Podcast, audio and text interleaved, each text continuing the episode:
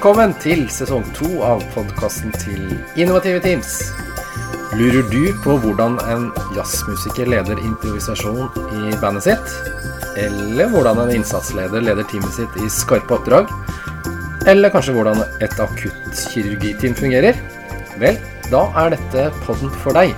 Mitt navn er Frode Heldal, og sammen med Endre Sjøvold Hei, hei, Frode. og Stein Hatland Forsdal Hei, hei, Frode. Skal vi presentere en faglig fundert og praktisk vinkling på ledelse og teamutvikling. God lytt!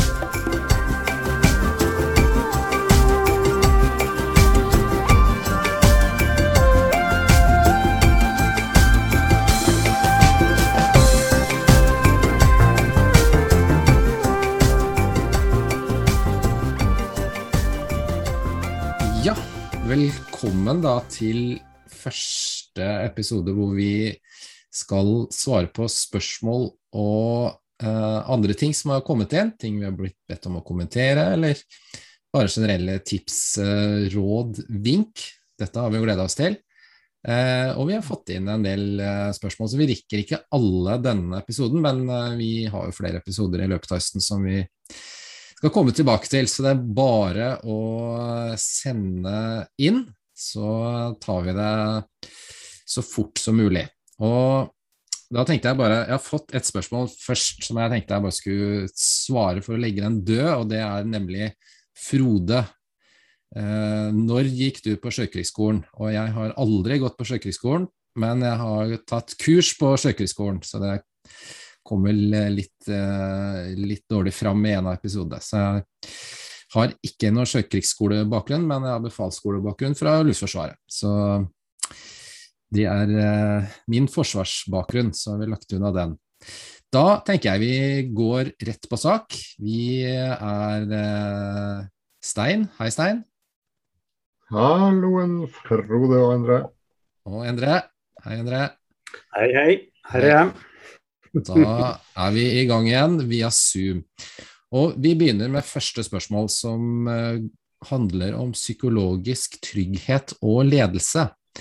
Og spørsmålet da lyder som følger Trenger vi ledere for å bygge psykologisk trygghet når teamet er trygg med hverandre? Må alle team ha en leder? Ja, Endre. Du skal få lov til å begynne. Det er et stort spørsmål, men eh, du kaster deg utpå. Vær så god. Ja, det er jo et eh, kjempespørsmål, som du sier. Og det er jo to da, deler. Må alle team ha en leder? Altså Det som er funksjonen til det som vi kaller prestasjonsteam, eller på engelsk high performance teams, det er jo ofte at de er selvstyrt. Eh, Og hvis du tar tak i Mills da, fra 84, eh, så sier jo han det at denne executive function, som vi kaller det, altså denne lederfunksjonen, den kan jo godt være hos én person. Altså at du har én sterk leder i teamet som eh, vet å styre når teamet skal allokere hvilke ressurser til hvilken oppgave osv. Eller den kan være på et mer avansert nivå, et avansert eh, dynamikk. Da vil disse funksjonene være delt mellom medlemmene. Og et sånn high performance teams, det vil jo si at eh, det er det siste. Og I praksis vil jo det si at eh, når Frode ser at nå trenger teamet styring, så selv om han er en veldig sånn beskjeden og forsiktig og omsorgsfull person som syns det er helt pyton å ta ledelsen, så gjør han det. Og Sten, som er veldig beskjeden og forsiktig og nesten ikke sier noe, han tør å hive seg frampå og si stopp. eh, Og eh, sørge for at teamet kommer på rett kurs når han ser at det trengs. Mm. Er sånn at Å få til det, da, det krever jo veldig mye bevissthet, det krever veldig mye arbeid og det krever veldig mye tid sammen. Så team, eh, sånne high performance teams eller prestasjonsteam, det, det er ikke noe du lager over natta. Går det ikke an å kjøpe en bok, da? For jeg tror Harvard har en sånn bok som heter High Performance Teams. Kan du ikke kjøpe den, da, og så er du i gang? Jo da, det finnes mange sånne bøker. Elsk deg selv osv. Bli den beste utgaven av deg sjøl. Jo, det er klart du kan lese om det, men sosial ferdighet, det er vel min erfaring som begynner å bli gammel og olding her, at det er noe du virkelig må trene på. Det er ikke noe du kan lese deg til. Dessverre. Riktig. Nei, men bra. Stein, da setter vi over til deg. Må alle team ha én leder? Ja, det er jo uh, Spørs hva du mener med hva ledelse er. Hvis, du, hvis alle er enige om at ledelse er noe lederen gjør, ja da må teamet ha en leder. Hvis mm. alle i teamet sier ja, nei, det, er leder, det er kun lederen som driver med ledelse. Eh, hvis man eh, tenker som så at eh, nei, ledelse er noe alle kan bedrive i teamet, da trenger ikke teamet å ha en leder. Altså ledelse er en vi snakker om at ledelse kan være en prosess, altså noe som skjer i teamet, uavhengig av om du har en leder eller ikke. Uh, og Den orienteringa syns jeg er mer interessant, men det, da må man være klar over det. Og Vi pleier av og til å si at ledelse er altfor viktig til å overlate til sjefen alene. Det, ledelse må alle bedrive i teamet, hvis du skal få noe fart på det. Uh, og alle kan være med og prate om hva vi skal oppnå og hvordan vi skal få det til. Altså Alle kan være med og diskutere hvilke mål vi skal ha. Og mm. alle kan være med og diskutere de problemene man får med en gang man har satt seg et mål. Med et eller annet fornuftig språk og et, en god kommunikasjon. Eh, det kan alle være med på. Og jo flere som er med på det, jo, men det krever jo en del av dynamikken i teamet. Og som Endre sier, da må kanskje de som ikke hiver seg på, alltid eh, gjøre det. Og kanskje de som alltid hiver seg på, må kanskje trekke seg litt tilbake. Sånn at alle får bidratt i den prosessen, i den samtalen om hva vi skal oppnå og hvordan vi skal få det til. Jeg pleier å si det at hvis vi tar det motsatte, når finnes det ikke ledelse i et team? Når er liksom ledelsen død? Eh, når er det en opplevelse av at her er det ikke ledelse? Det er jo ingen ledelse her, som han sier. Jo, det er jo nettopp når den samtalen om hva vi skal oppnå og hvordan vi skal få det til, når den stopper. Når man begynner å prate om helt andre ting, da er det ikke lenger ledelse til stede. Så svaret er ja, alle team må ha en leder hvis det er ingen som prater om det. Da må noen ta ledelsen og begynne å prate om hva vi skal oppnå og hvordan vi skal få det til. Mm. Men hvis man kan etter hvert trene til at det er lov å delta i den samtalen for alle sammen, så trenger ikke lenger team å ha en leder. Da skjer ledelse i teamet uavhengig av sjefen eller ledelsen. Ja, det er det jeg vil si om det. Ja, Nei, men godt svart. Jeg tror vi uh, hører dere ganske enige, ikke overraskende kanskje? Nei, I den sammenheng så er det jo interessant å se hva forskning på ledelse eh, er mer interessert i i dag enn det bare var for noen år siden. Eh, før så var jo dette med egenskaper hos lederen, og hvilke ferdigheter lederen hadde. Eh, nå ser man mer ledelse, sånn som man gjorde i gamle dager, som en del av teamet. Altså ledelse er en teamfunksjon. Og det vil si at du ser definisjoner på ledelse. Det er ledere Lederes oppgave er å skape team som er bedre enn konkurrentene, sånn som Hogan sa i 2007. Eller for å ta en litt mer uh, operativ, det med Crystal, fra 2015 som sier at eh, ledelse er en funksjon av de som ledes, og konteksten de ledes i. Så da kan vi jo si at ja vel, Han definerer ikke noe som helst som én leder, men eh, ledelse som et fenomen, et gruppefenomen. Og Da kan jo si denne diskusjonen om eh, høyprestasjonsteam, eller prestasjonsteam. Der har du jo dette formålsnivået inne. Det ligger på et høyt formålsnivå, sier vi. Og det, Et av de særtrekkene med det, det er nettopp det at ledelse er fordelt på alle. Alle er i stand til å ta ledelsen når det er behov for det. Men jo lenger ned du kommer på skal vi si, avansert, altså jo mindre avansert dynamikken i teamet blir, jo større krav blir det til at én eller noen tar ledelsen. Og Kommer du ned til et adhoc-team hvor ingen kjenner hverandre og de skal sette i gang, så må du faktisk ha noen som er i stand til å oppfylle alle de funksjonene som trengs i teamet. Også det å danne en struktur, sette mål osv. osv. Mm. Formålsnivå, sier du Endre. Klarer du kort forklare litt nærmere hva det er? Formålsnivå det er betegnelse på ulik type dynamikk. Og Har du en stabil situasjon, klare arbeidsoppgaver og alt er strukturert rundt, så trenger du egentlig ikke så mye dynamikk. Da er jo Strukturen tar jo over for ledelse, den tar over for en del av det samspillet som er i organisasjonen. og Det kaller vi et lavt formålsnivå. Og dette jo, kan jo være utrolig effektive grupper. Det, strukturen kan jo være drill, det kan være faste oppgaver, det kan være rutiner, det kan være alt det andre rundt. Uh, og ingenting slår er mer effektivt enn en sånt team i stabile omstendigheter. Men jo mer kaotisk, jo mer uforutsigbar konteksten blir, jo mer kompleks arbeidsoppgaven blir, jo større behov blir det for å utveksle informasjon, sånn som Sten eh, beskrev det, om samtalen om det vi skal gjøre.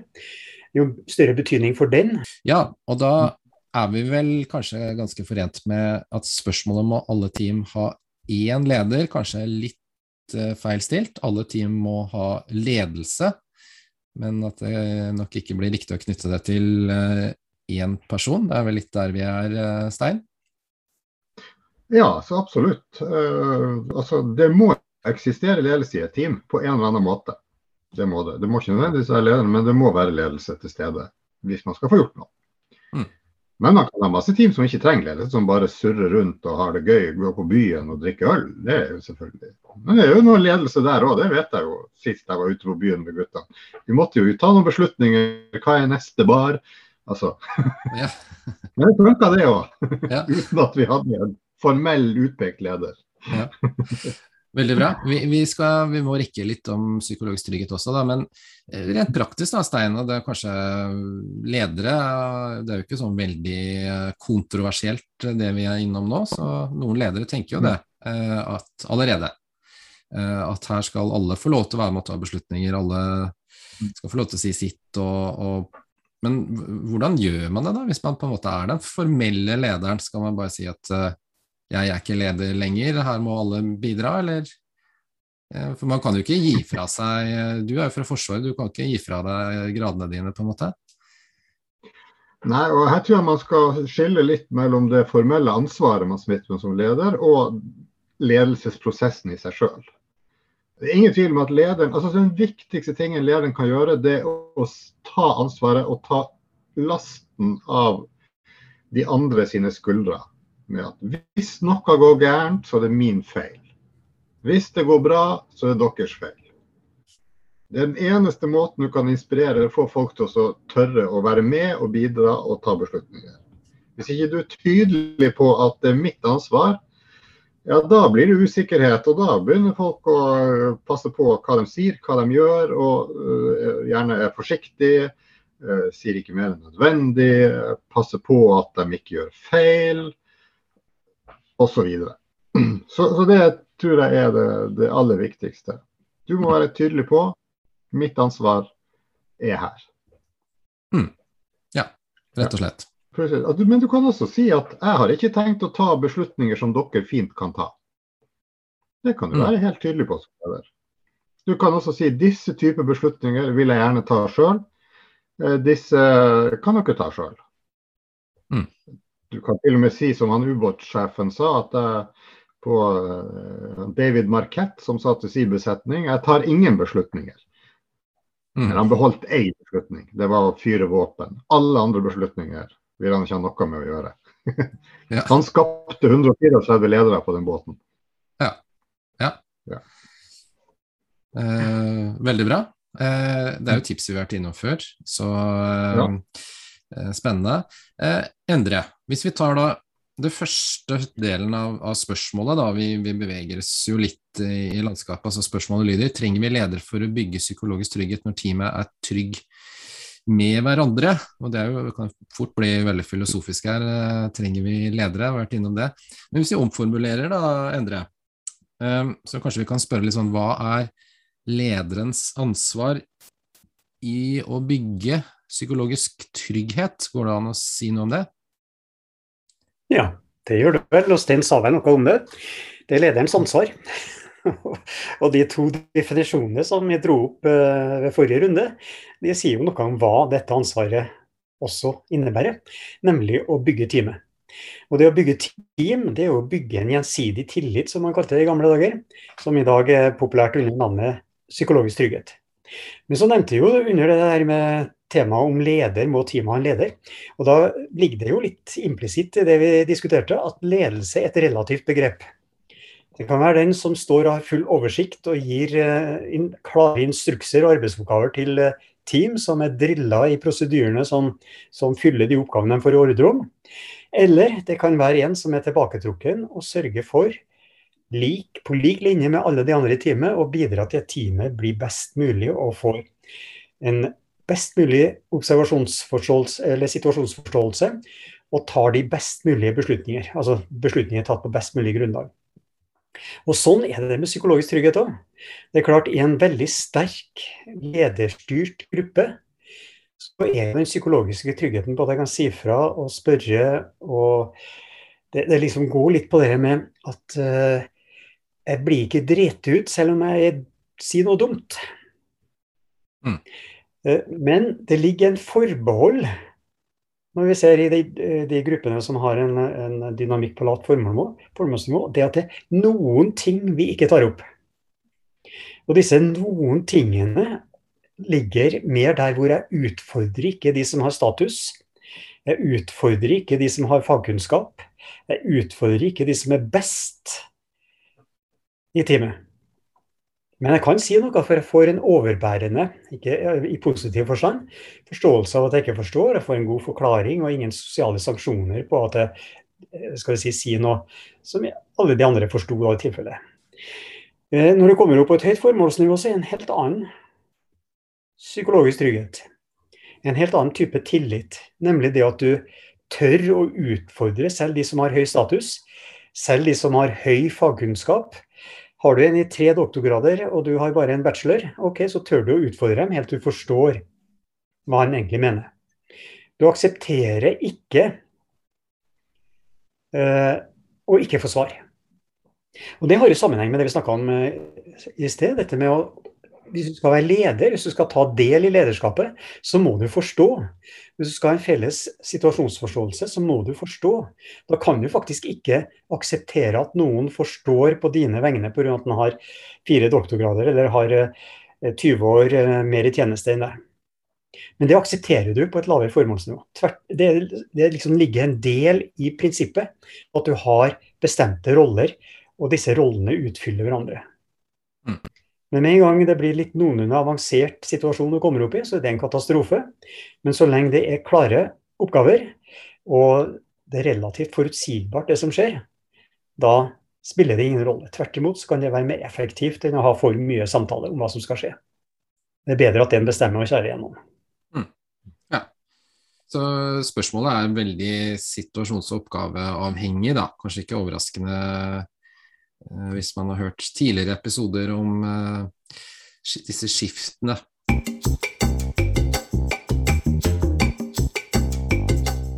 Da går vi videre til neste spørsmål. Eh, Stein, da skal du få lov til å, til å forberede deg på å være først ut. Når teknologi får oss til å samarbeide bedre, gir oss god tilgang til kunnskap, vi er autonome og selvledende, hva blir da lederes nye rolle i framtiden? Vær så god, Stein.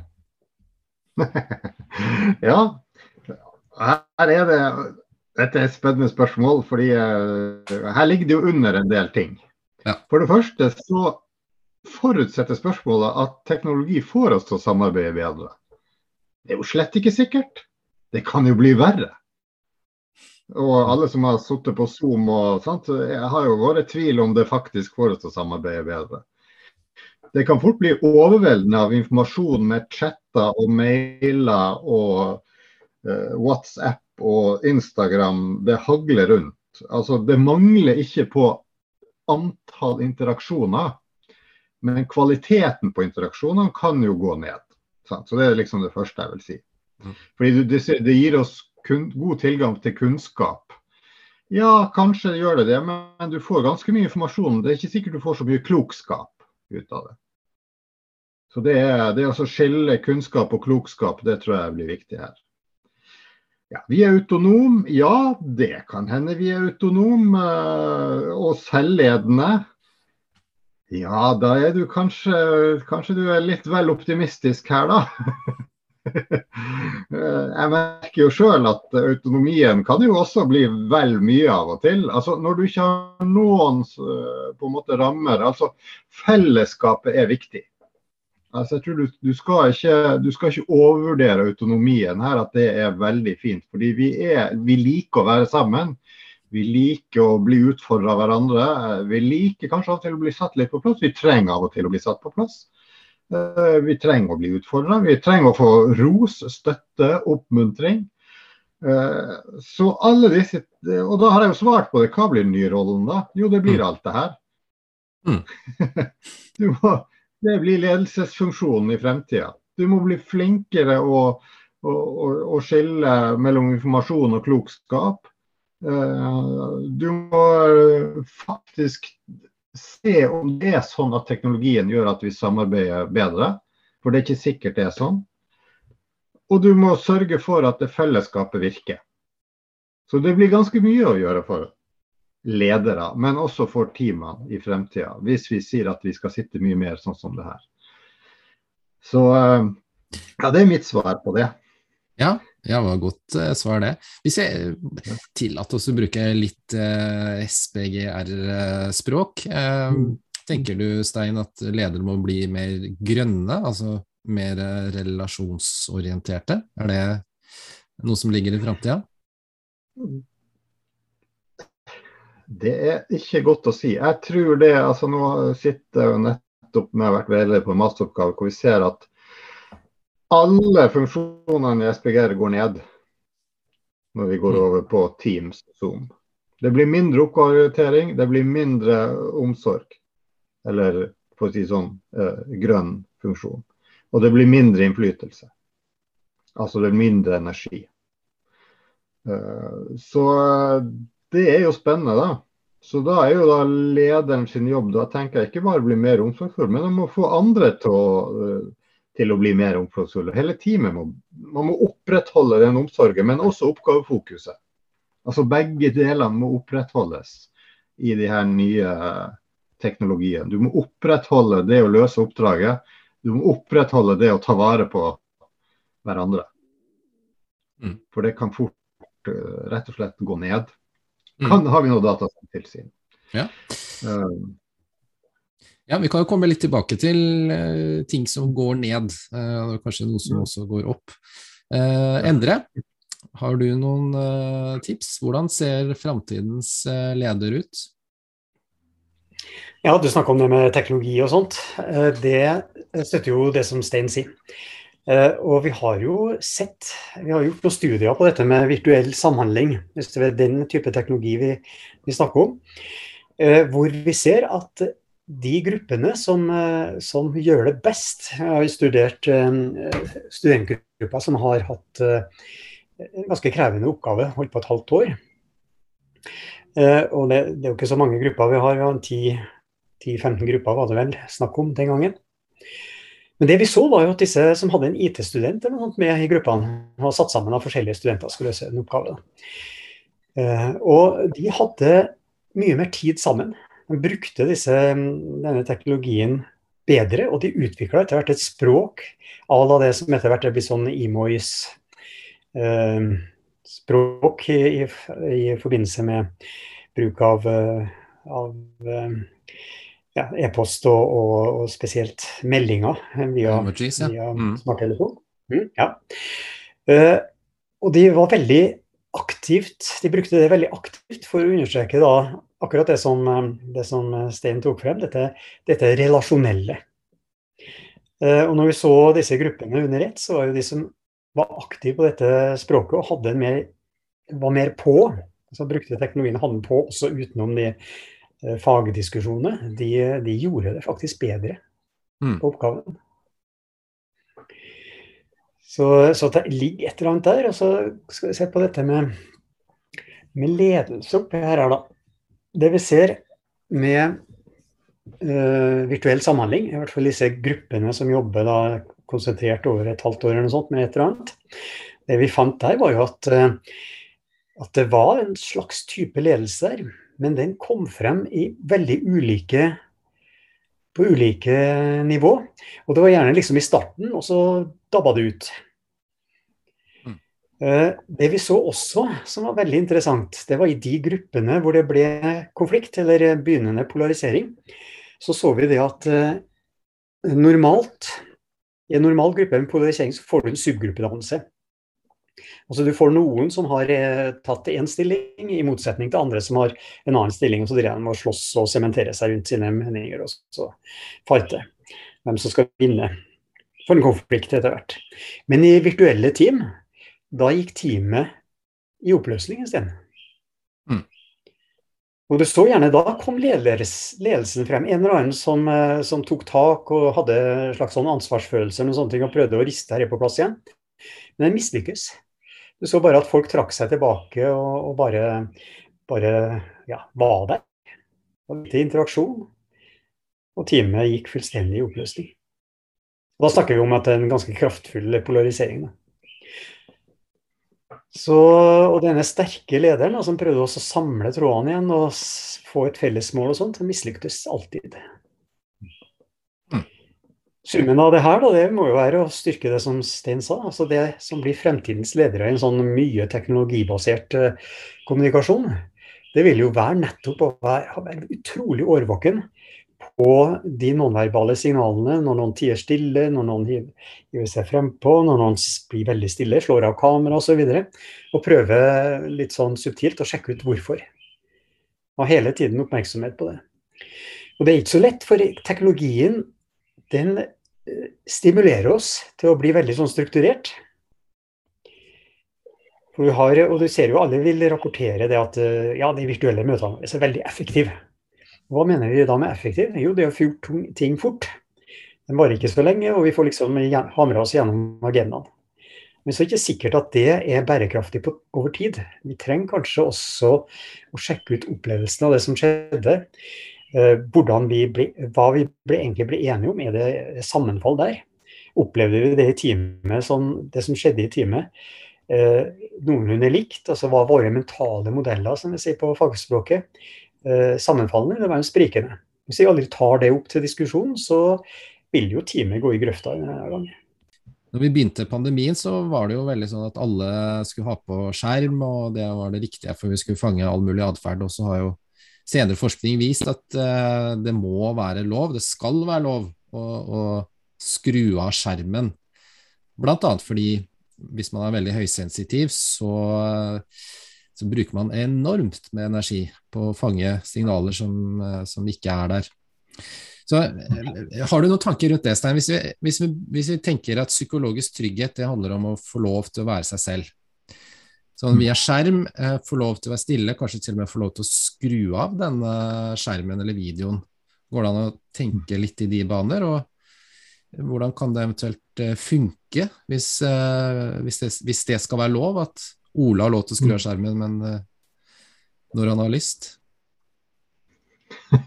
ja, dette er jo en, en fantastisk spennende diskusjon. og det har jo vært det har vært på Dagsnytt 18, og det har vært masse diskusjoner om ok, hva skal være lov og ikke lov. Sant? I et møterom så, ikke, så, får du ikke lov å gå stille deg bak en skjerm, for å si det sånn, og bare bli borte. sant? Altså I et møte så må du jo sitte der. Sant? Et vanlig face to face-møte. Mm. Uh, så kanskje er det noe der at hvis du skal være med, så får du være med med hele deg. Men så er det jo tydelig at det oppleves Så kan ikke man krangle på den opplevelsen at det kan være ubehagelig det å eh, det å bare sitte og se rett i en skjerm fordi man føler seg kanskje ikke helt seg sjøl. Jeg tror det er noe der. Du føler deg ikke helt deg sjøl. Fordi du, du sitter der, og de responsene som du vanligvis får, når du sitter ansikt til ansikt med flere, da går det mye raskere. Da får du responsene med en gang. Mm. Uh, og disse hjelper deg jo litt på vei uh, til å regulere deg sjøl og regulere det du sier. Det er lettere for deg å, å, å, stoppe opp og ta en pause når, det, når du åpenbart kanskje ser at nå har jeg prata for lenge. Akkurat nå merker jeg mens jeg prater nå, jeg har null feedback jeg kan sitte her og prate lenge nå. Jeg aner ikke hva dere holder på med. Sant? Endre kan jo ha gått for den saks skyld, for alt jeg vet. Og, mm. og, du kan jo sløse bildet ditt. Sant? Og så sitter jeg og prater litt sånn ut i løse lufta. Og, det er Kanskje må man være en sånn god, en god sånn radiovert. Har null problemer med det her. For de sitter jo og prater ute i lufta hele tida. Men de sitter jo gjerne i et studio overfor hverandre. Det er veldig få radioverter som sitter helt alene. Det finnes jo noen av dem òg. Mm. Og det, det, er nok en treningssak, tror jeg Også. Så eh, jeg personlig syns det er vanskelig. Jeg syns også det er vanskelig å bare si ja, nei, du må vise hele det. og en annen ting er at Når du kommer i et sånt kamera, så kommer du ganske nært på. Altså du, du, du, Alle dine lyter og uh, den store nesen og de litt misforma ørene blir jo også veldig sånn tett på. da. Selv om det blir små sånne bilder på skjermen, så kan det jo når du prater, kan det hende at du er i sentrum. Så kanskje man blir litt sånn uh, selvbevisst på den måten at noen syns det er ubehagelig, og det har jeg all forståelse for. Kanskje om noen år så er det her en ikke-diskusjon. Da er alle mm. blitt så vant til det at eh, det ikke er det er Kanskje det er fremtida. At eh, nei, da er vi så vant med det at eh, det er ingen som snakker om det lenger som noe problem. Vi, er, vi har ikke holdt på med det så lenge. Sant? 500 og et eller annet dager varte denne pandemien. Og det er jo ikke sånn i sånn evolusjonsmessig tid veldig lenge. Det, mm. det er nytt, den her. Mm. Så litt tålmodighet der vi må. Ja. ja. tålmodighet og kanskje også, som vi liker å predike, ydmykhet for at ting kan forandre seg. Jeg mm. tenker sånn eh, Det vi møter som forelesere nå, er jo at eh, studentene vil, vil jo veldig gjerne ha eh, digitalt, fordi det er så tilgjengelig. Og det er enkelt å følge med på. Mm. Jeg tenker sånn, hvis, hvis, vi er åpne for det så, som leder også, så må jo det bety at man ikke krever at alle er 100% på og med hele tida, kanskje? Ja, det kommer jo an på oppgaven, da. så Hvis det er veldig enkle oppgaver, ja, da trenger ikke folk å være med, da. At det er hmm. Men hvis det er en oppgave da, som krever alle sine bidrag, og vi snakker om psykologisk trygghet Hvis du sitter der og er litt utrygg, men du sitter med det lure svaret, og så sier du det ikke pga. den digitale flaten gjør at du ikke er en barriere for deg, ja, da har vi jo en utfordring. Men hvis det er en rent sånn infomøte her, hjelp meg. Jeg har sittet på mange sånne infomøter på jobben hvor eh, det er 1 som er interessant for meg, og i resten av møtet sitter jeg vel egentlig og holder på med noe annet. Skal jeg være helt ærlig. er ikke bra, dette hører jo sjefen min sikkert på. Hvor lurt var det å si det her? Men jeg, jeg tror det, de mange vil kjenne seg igjen i det.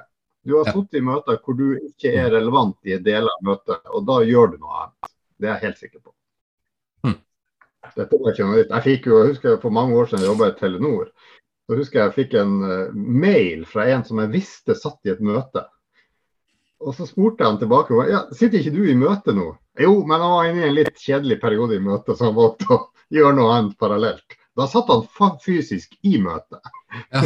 men da var det da Telenor akkurat hadde begynt med disse alle hadde bærbare PC. Så Ingen kunne jo se hva folk satt og gjorde på sin bærbare PC rundt bordet der.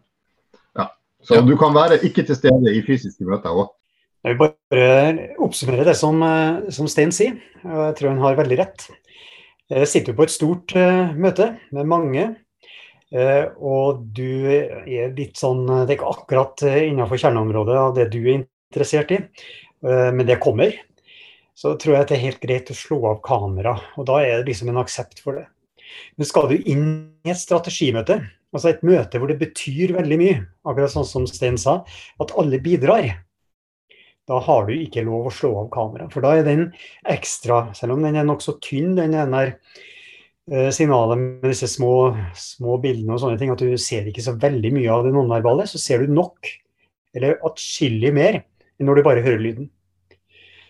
Og det bare å kunne se reaksjoner hos de andre, selv om de er nokså rudimentære i en sånt eh, bilde, så, så er det en så verdifull ekstrainformasjon når noe diskuteres som fører til en uh, følsom beslutning, at du bør absolutt ha på kamera. Yes, veldig bra. Uh, ja, oppsummeringsmessig så snakka vi jo mye om mye, Vi landa mye på teknologi her nå, men uh, men dette med å være autonom og selvledende, så vi var litt innom det. At uh, definitivt en eh, lederoppgave og lederens funksjon i forhold til det, å være støttende og, og oppbyggende rundt det å, å få til å være autonom og selvledende.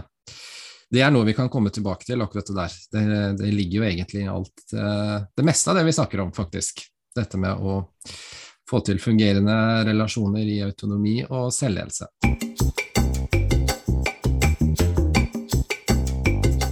Ok, eh, neste spørsmål, eh, og det blir da siste spørsmål. Endre. Jeg har problemer med en i teamet mitt som faller litt utafor. Hun er litt spesiell, det må sies. Vanskelig å få med, liksom. I det siste har de andre begynt å klage på at hun gjør for mye feil og dårlig arbeid. Jeg har prøvd å ta det opp forsiktig med henne, men vanskelig å se om det funker. Blir nesten bare verre. Hva gjør jeg? Det er vel da fra en som leder dette teamet, det da. Ja. Endre, hva gjør man i slike situasjoner? Ja, jeg er glad det spørsmålet kom opp. Uh, her regner det i dag, Frode. Jeg vet ikke hvordan været er hos deg. ja, nei, det der er jo et spørsmål som uh, er nesten umulig å svare på. For hvorfor er denne personen utafor? Er det kontekstuelle uh, forhold? Er det noe med en dårlig selvtillit i forhold til kompetanse? Er det noe med introvertdelen som var inne på i sted, eller hva er det? Og denne, Det at hun gjør så mye feil, skyldes det en overdreven angst for å gjøre ting riktig?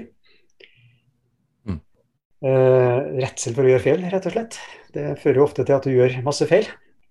Eller er det dårlig kompetanse?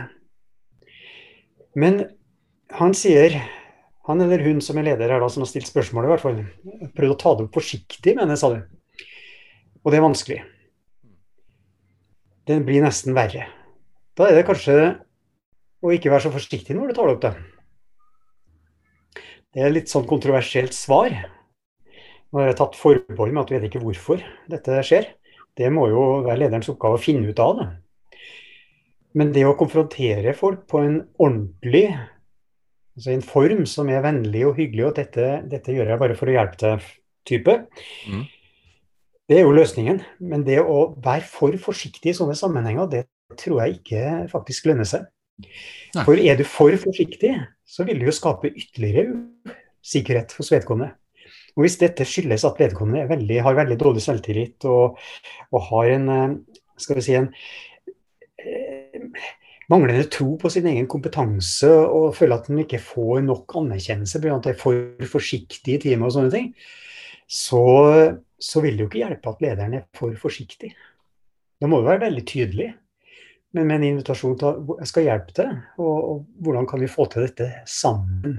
Min erfaring i hvert fall er at, eh, at folk er ikke redd for eh, å få direkte tilbakemelding når det blir gjort på en ordentlig måte. Mm. Og det gjelder jo å ta tak i det som kan, kan gjøres noe med, da, selvfølgelig. Endre, det kan jo være ting utenfor jobben også som eh, mm. gjør dette her, og da er det jo å ta tak i det, da. Mm. Jeg tenker du, Endre, hvis vi skal høre deg rett nå, så Du stilte en del spørsmål til å begynne med, sånn, hvorf, kanskje sånn, i en sånn stor sekkebetegnelse. Hvorfor? Tenker du, selv om lederen er tydelig, at på en måte også er ydmyk til at det kan være mange årsaker? Det som ligger under her, er jo kanskje at man hopper veldig fort, at det handler om min kompetanse eller eller andre ting, da, men eh, det, det, du sier, er vel kanskje være veldig forsiktig med en sånn type inngang? Ja, ofte så er ikke bare manglende Kompetansen har du jo relativt oversikt over. Så da sitter lederen igjen med at det er manglende vilje eller unnaslunting eller sånne ting. Og hvis du begynner en samtale med å ha den grunnholdninga at her må jeg ta tak i et problem. Så vil du jo få ut alle, alle antennene, og, og, da vil jo folk uh, reagere negativt og være i forsvarsposisjon fra starten av. Mm. Og, og, det er riktig eh, oppfatning, og det mente å si med alt det ordene jeg brukte, det at det er en svær sekk med muligheter for at folk ikke fungerer i en gruppe, i en, i en arbeidssituasjon. Og det er faktisk lederens forbannede plikt å finne ut av det, mm. og ikke jump to conclusions. Men dessverre så har vi som mennesker veldig lett å gjøre det. Vi har kanskje en tidligere erfaring, eller at vi, det er jo klare rammer her i, i, på jobben. Vi vet hva vi skal gjøre, og du gjør ikke det vi forventer. Da er du en unnasluntrer eller sånne ting. Men så er det kanskje en enkel sak utafor jobben som gjør at faktisk du er i din situasjon. Og Da gjelder det å få tak i det. Mm. Jeg mener ikke at lederen skal være en sånn psykoterapeut, men, eh, men han skal ha et såpass menneskelig interesse, eller interesse for den menneskelige sida av sine medarbeidere at han eh, er i stand til å se når det er det som er problemet, og sjekke det ut. Mm. Det har vi utallige eksempler på det, at eh, medarbeidere som ikke har prestert, og så får man fiksa enten en uh, trøbbel med barnehageplass eller et eller annet i parforholdet hjemme eller whatever. Og så får man trygghet på at dette skal vi hjelpe deg gjennom. Så smakk, så er man på igjen. Mm. Men du nevnte jo Endre high performance eller høyprestasjonsgrupper her, hvor, eh, hvor man kanskje, hvis vi setter veldig på spissen, da, hvor, hvor, lenge skal man liksom gå rundt uh, i denne situasjonen da, og tolerere at uh, uh, ting ikke er oppe og går? Av en hvilken som helst årsak? Nei, det er jo det du ikke skal. Det må ikke tolereres. Altså Hvis mm. noen underperformer, så er det din oppgave som leder å ta tak i det umiddelbart. Mm. Så fort du overhodet får ideen om at det kan være noe der. For det er jo Greier du å være så sensitiv at du ser det før de andre i teamet, da er du jo i stand til å unngå at dette blir et problem. Mm. Det er jo en lederoppgave. Ja. Det er kanskje den viktigste lederoppgaven du har. Mm. Og med en gang folk begynner å snakke snakker om personen, og denne presterer ikke, og uff, jeg er så, det er så lei det der, aldri leverer og sånne ting, da er, jo, da er jo godt. Jeg husker det var en bedrift jeg jobba i, de kalte det de kalte det altså firmanavnet også Grillen. Mm. Og det var liksom sånn Bildet er ganske dramatisk. da, altså du, du hadde noen som ikke presterte, eh, og så begynte folk å snakke. Og da gikk det liksom, da var de lagt på grillen. Og da er det sånn at da begynner det å lukte svidd rundt omkring i organisasjonen nå, ikke sant. Mm. Og etter hvert så vil den personen ha et så dårlig rykte, for folk snakker jo sammen, det er den røyken fra grillen, at, uh, at den er uvelkommen, uvelkommen uansett hvor det skal være. Så det er umulig å omplassere, umulig å hjelpe internt. Det er bare én vei, det er ut. Og da er det bare aska igjen, liksom, så det er bare å skufle det ut dramatisk eksempel, men det hjalp å sette den type ord på den bedriften, husker jeg. For da fikk man et klart bilde av hva manglende lederskap har å si. Mm. Altså manglende lederskap, det er å ikke ta tak i sånne ting med en gang en får nyss, eller får en følelse av at her er det noe. Mm. Veldig bra. Litt over til deg, Stein. Eh, og Igjen er det jo at det ligger veldig mye under her, da. Altså, det brukes jo som at hun er litt spesiell. Um, men, men la, oss, la, oss, ta det, da. At vi, vi, vi, er jo forskjellige som mennesker. Og, og, at noen kanskje av en eller annen grunn er Eller havner i en sånn rolle eller posisjon hvor de er litt utafor, og kanskje beveger seg til å bli mer og mer utafor hver dag som går. Har du noen gode tips? Hva, hva, gjør man som leder? Nei, Det er mye klokt det er blitt sagt av Endre her nå. Uh, hvis jeg skal si noe ekstra her. Når folk er litt spesielle, så tror jeg fort at man kan tillegge dem en del ting som ikke er der. Uh, og det er jo kanskje en utfordring her. Uh, hun er litt spesiell når folk er litt spesielle utafor. Altså ordet idiot det betyr en som står utafor, en på utsida. Uh, og Det som kan være en fare med det, det er at uh, personen får på seg flere feil enn hun faktisk har gjort. Så en viktig ting som leder her, det er å få frem fakta hva er disse feilene, og hva er dette arbeidet som er dårlig? Det faktiske. Det er, så man er helt sikker på at dette her er ikke til den standarden som er forventa av deg. Med den kompetansen vi antar du har, med den uh, utdanninga, med, med, det Vi har ansatt deg her fordi vi tror du klarer det her. Det, er, det tror jeg er viktig. For, og, og da er du tydelig. Da er du tydelig med en gang. For den, tydeligheten er det Tydelighet er ærlighet. Og ærlighet det er det som fører frem her. sant? Men det er utrolig dumt hvis det er noe du tror er hun har gjort feil, og så har hun ikke gjort feil. Noe du tror er dårlig arbeid, men som ikke er dårlig arbeid. Ja, Da er du jo virkelig ute å kjøre.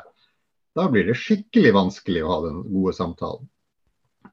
Så jeg tror den her uh, første steg her, det er å få frem de faktaene. Og så når de er helt klokkeklare, de faktaene, så må man ta det og vi holde det opp. Ja, dette her er da uh, det som vi ser ikke godt nok. Og så er vi enige om det. Dette er ikke godt nok. Og så kan man, når man først har funnet ut det, ja, dette er faktisk ikke Så kan man begynne å tenke om ja, hva er det som gjør det? Ja, hva var det Ja, du, da, kan, da er jo hele den sekken til å endre. En kjempesekk med muligheter som gjør at folk ikke, ikke får til jobben sin. Sant? Mm. Det, og det kan, ikke, det kan, vi bare spekulere i, så det, det blir også feil, tror jeg. Så. Eh, når det er, Jeg vil si noe om dette her å gjøre mye feil og dårlig arbeid. Eh, jeg leste et sted at vi er egentlig ganske dårlige å vurdere andre sine prestasjoner objektivt. Vi er faktisk ganske dårlige, hvis ikke det er ting som er helt åpenbart eh, er lett å se. Altså F.eks. når en bommer på et straffespark, så kan alle umiddelbart se at dette var en dårlig prestasjon. Sant? Men en del andre arbeidsprestasjoner er kanskje ikke så lett å vurdere om de er gode eller dårlige. Sant? Det vil kreves form for skjønn, en form for mening, en form for uh, vurdering som er kanskje ikke er så enkel. Og Det er også jeg nysgjerrig på her. Er det, hvor, hvor, hvor lett er det å vurdere om det, om det arbeidsstykket denne personen har gjort er bra eller dårlig? Eller bare, eller bare reagerer man på at hun er litt spesiell? Det er egentlig det man reagerer på, men det er ikke arbeids... Sant? Mm. Det, jeg tror jeg har jo gått i den fella sjøl. Altså litt oddball-type, det der er dårlig arbeid. Men var arbeid var mm. suverent, det. var bare oddball. Og dermed så, når jeg ikke liker personen, så liker jeg heller ikke arbeidet. Ja. Så å skille mellom personen her og arbeidet som faktisk er gjort. Ja. Det, det, ja. Ja. men to, eh, to, to, dimensjoner, to, dimensjoner, kanskje. To eh, gode punkter fra begge to. Nummer én eh, Altså nummer, nummer null, eh, ta tak fort. Og nummer én, hva gjør du? Jo, tydelig på om ting funker eller ikke. Mm. Altså det, det, må man. Samtidig så, eller som steg to, være ydmyk på hvorfor. For det kan være så uendelig mange grunner som dere er innom. Det er kanskje de to dere, vi beveger oss eh, langs? Absolutt. Det høres ut som en bra oppsummering. Eh, Ståle Solbakken eh, klarte jo å si på en pressekonferanse om den ene pasninga til Birger Meling, at der hadde det skjedd en hjerneblødning. Og Birger Meling eh, syns jo selv at det var befriende, og han har blitt, Solbakken ble jo litt hylla i norske medier også, da, fordi han var så ærlig og, og tydelig. Men det er kanskje ikke helt det vi snakker om, vi har snakka om brutal ærlighet uh, før. Jo, nei, Det er jo nettopp det. altså Da må det jo være, da er jo den psykologiske tryggheten ganske høy. Og et sånt fotballmiljø så kan jeg, kan jeg se for meg at garderobepreik, uh, da tåler man en sånn slenger. Men du sier jo ikke det til en hvilken som helst person. Som du må, da kan du få deg en kraftig over øynene, som vi sier i Nord-Norge. Du bare Nå var jeg forberedt på det. Nei, Det er jo en situasjonsbetinga uttalelse, tror jeg. Det er ikke noe sånt som du kan overføre til eh, som en leder i arbeidslivet med, med de reguleringene vi har der. Heldigvis. Ja. Ja, og bare for å si det, altså, men, men sant? det er form og innhold her. altså Formen var noe sånn den var. sant? Men, men det at du er tydelig i seg sjøl som leder og sier at ja, vet du hva, det du gjorde der, det syns jeg var ganske dårlig. Og jeg må være helt ærlig, jeg ble forbanna. Ja. da har du vært 100% ærlig om to ting. For det første din vurdering av arbeidet, og du har vært 100% ærlig om noe som er det du kan si 100% er riktig, er at du ble forbanna. Altså dine egne interne tilstander kan du alltid være ærlig om. Og hva har du gjort da? Ja, da har du vært helt presis og tydelig overfor medarbeideren hvordan du reagerer. Og det skaper jo tillit og trygghet. Å oh ja, han ble forbanna på det, ja. ja det skal vi se det, ja. Det, det skjønner jeg jo kanskje. sant? Det, mm. ja. Ja, fordi, ja, for det er jo Vi må ta med det nå eh, at hvis, hvis han ikke reagerer, så er jo kanskje det vel så ille som å reagere på en litt sånn ubehøvla måte. For det er jo tross alt å vise en form for interesse og, å reagere. Helt enig. Endre, har du noe ja. Det er jo eh, det som Stein sier der, og det du oppsummerer med, er jo klart at tenker du på en du har tillit til, så er det en som er nettopp i stand til å være direkte ærlig til det. Men da i en form som ikke er latterliggjøring eller eh, berittling. Det, det, er liksom det at uh, din informasjon er til for å hjelpe deg. Dette jeg hører, jeg hører hva du har tenkt å gjøre, men jeg tror ikke det er rimelig smart. mm. Mm. Og da veldig klar og ærlig på det, selv om jeg er engasjert for å gå løs på det der. Hva det skulle være. Jeg har bare lyst til å føye til en historie fra mange år siden. Vi, første ungen i barnehage. Og så var det et eller annet jeg var, jeg husker ikke hva det var, men jeg var ganske forbanna på et eller annet greier på denne barnehage eh, måten de gjorde ting på. Det var et eller annet og da var jeg litt sånn hard og krass til hun der styreren i barnehagen. Og så etterpå så følte jeg meg litt sånn her uff, det var noe litt Det var kanskje litt mye drøyt det der, og hadde litt dårlig samvittighet. sant. Men da sa hun etterpå å, det var så godt, endelig, for da visste hun hvor hun hadde meg. Mm. Og det har jeg tenkt på i ettertid. Ja, det hadde hun et godt poeng. Hun visste hvor hun hadde meg. Og, og det var mer min bekymring for at jeg hadde liksom sagt for mye eller vært tydelig ja. var mye verre enn det det faktisk oppfatta. Det kan selvfølgelig være andre veien òg, men som et eksempel, hun var takknemlig for det. Å ja, det er det du mener. Ja, men da kan vi, da kan vi snakke. Ja. Da vet jeg hva du mener. ja. Det ble litt flåste å beslutte, men er det, det, er det enklere for nordlendinger å, å, komme unna med å være veldig direkte? Ja. ja. Jeg tror vi var inne i ja-nei-spørsmålet nå. det vet vi jo. Ja. Veldig bra. Eh, og jeg har lov til å spørre om det siden jeg bor sammen med en eh, nordlending. Bare det er sagt. Ja. God overgangstegn til eh, den aller, aller siste spalten. Som vi, da er meninga skal vi bruke kort tid, eh, og ikke lov med noen lange utgreininger. Eh, og jeg skal også bli med på å svare. Da begynner vi med Endre, så Stein, og så meg. Første spørsmål. Er transformasjonsledelse passé? Ja. Nei. Ja. Da har vi to ja på om transformasjonsledelse er passé, så da setter vi to streker under det. Så kan vi jo komme tilbake til hva, hva som er hva som er the hot shit uh, nå, det blir kanskje annet, uh, en annen episode. Ok, neste spørsmål. Uh, er endringsledelse et idiotisk begrep? Nei. Ja.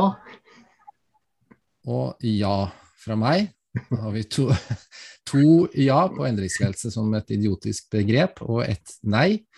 Og mange husker jo sikkert eh, hvem det var som slang det ut, eh, nemlig Nicolai Tangen. Eh, så da støtter vi jo han. Og siste spørsmål. Kan en god leder lede overalt? Nei. Nei. Og nei. Da har vi tre nei, så det var kanskje det tydeligste, tydeligste svaret. Yes, men da har vi tråkla oss igjennom eh, noen spørsmål. Det er bare å sende inn. Vi skal svare så godt vi kan. Eh, dere skal få lov til å komme med noen eh, bevingete ord til slutt, som vanlig. Eh, begynner med deg, Endre. Har du noen eh, bevingete ord eller tips, råd, triks i, i forhold til det vi har eh, snakket om? Ja, det som vi har snakka om, er jo at ting er ganske relativt. Ledelse er relativt. Psykologisk trygghet er relativt. Tillit er relativt. Og Da kommer vi jo inn på disse ja-nei-spørsmålene også. ikke sant? Noen ganger så er det vikt, riktig å ta opp eh, og si at nå skal, må vi gjøre noe. Og da er jo endringsledelse tingen. Men sånn som eh, gamle Kurt Levin sa i, på 30-tallet, at ledelse er å skape endring. Det er noe han gjør hver jækla dag. Og da, i det perspektivet, så er det jo idiotisk. Transformasjonsledelse, som ofte dras frem som en sånn karisma og få med seg følgere og sånne ting. Altså Den delen av eh, konseptet er meningsløs etter min eh, oppfatning. Da. Det må være på et veldig lavt formålsnivå i en, i en gruppe. Så kanskje sluttkommentaren. Vi må være klar over situasjonen, vi må være klar over de folka vi leder. Hvilken kompetanse og, og relasjon vi har til hverandre. Og så må ditt lederskap være svar på de behov som ligger der. Ja, rett og slett. Veldig bra. Stein?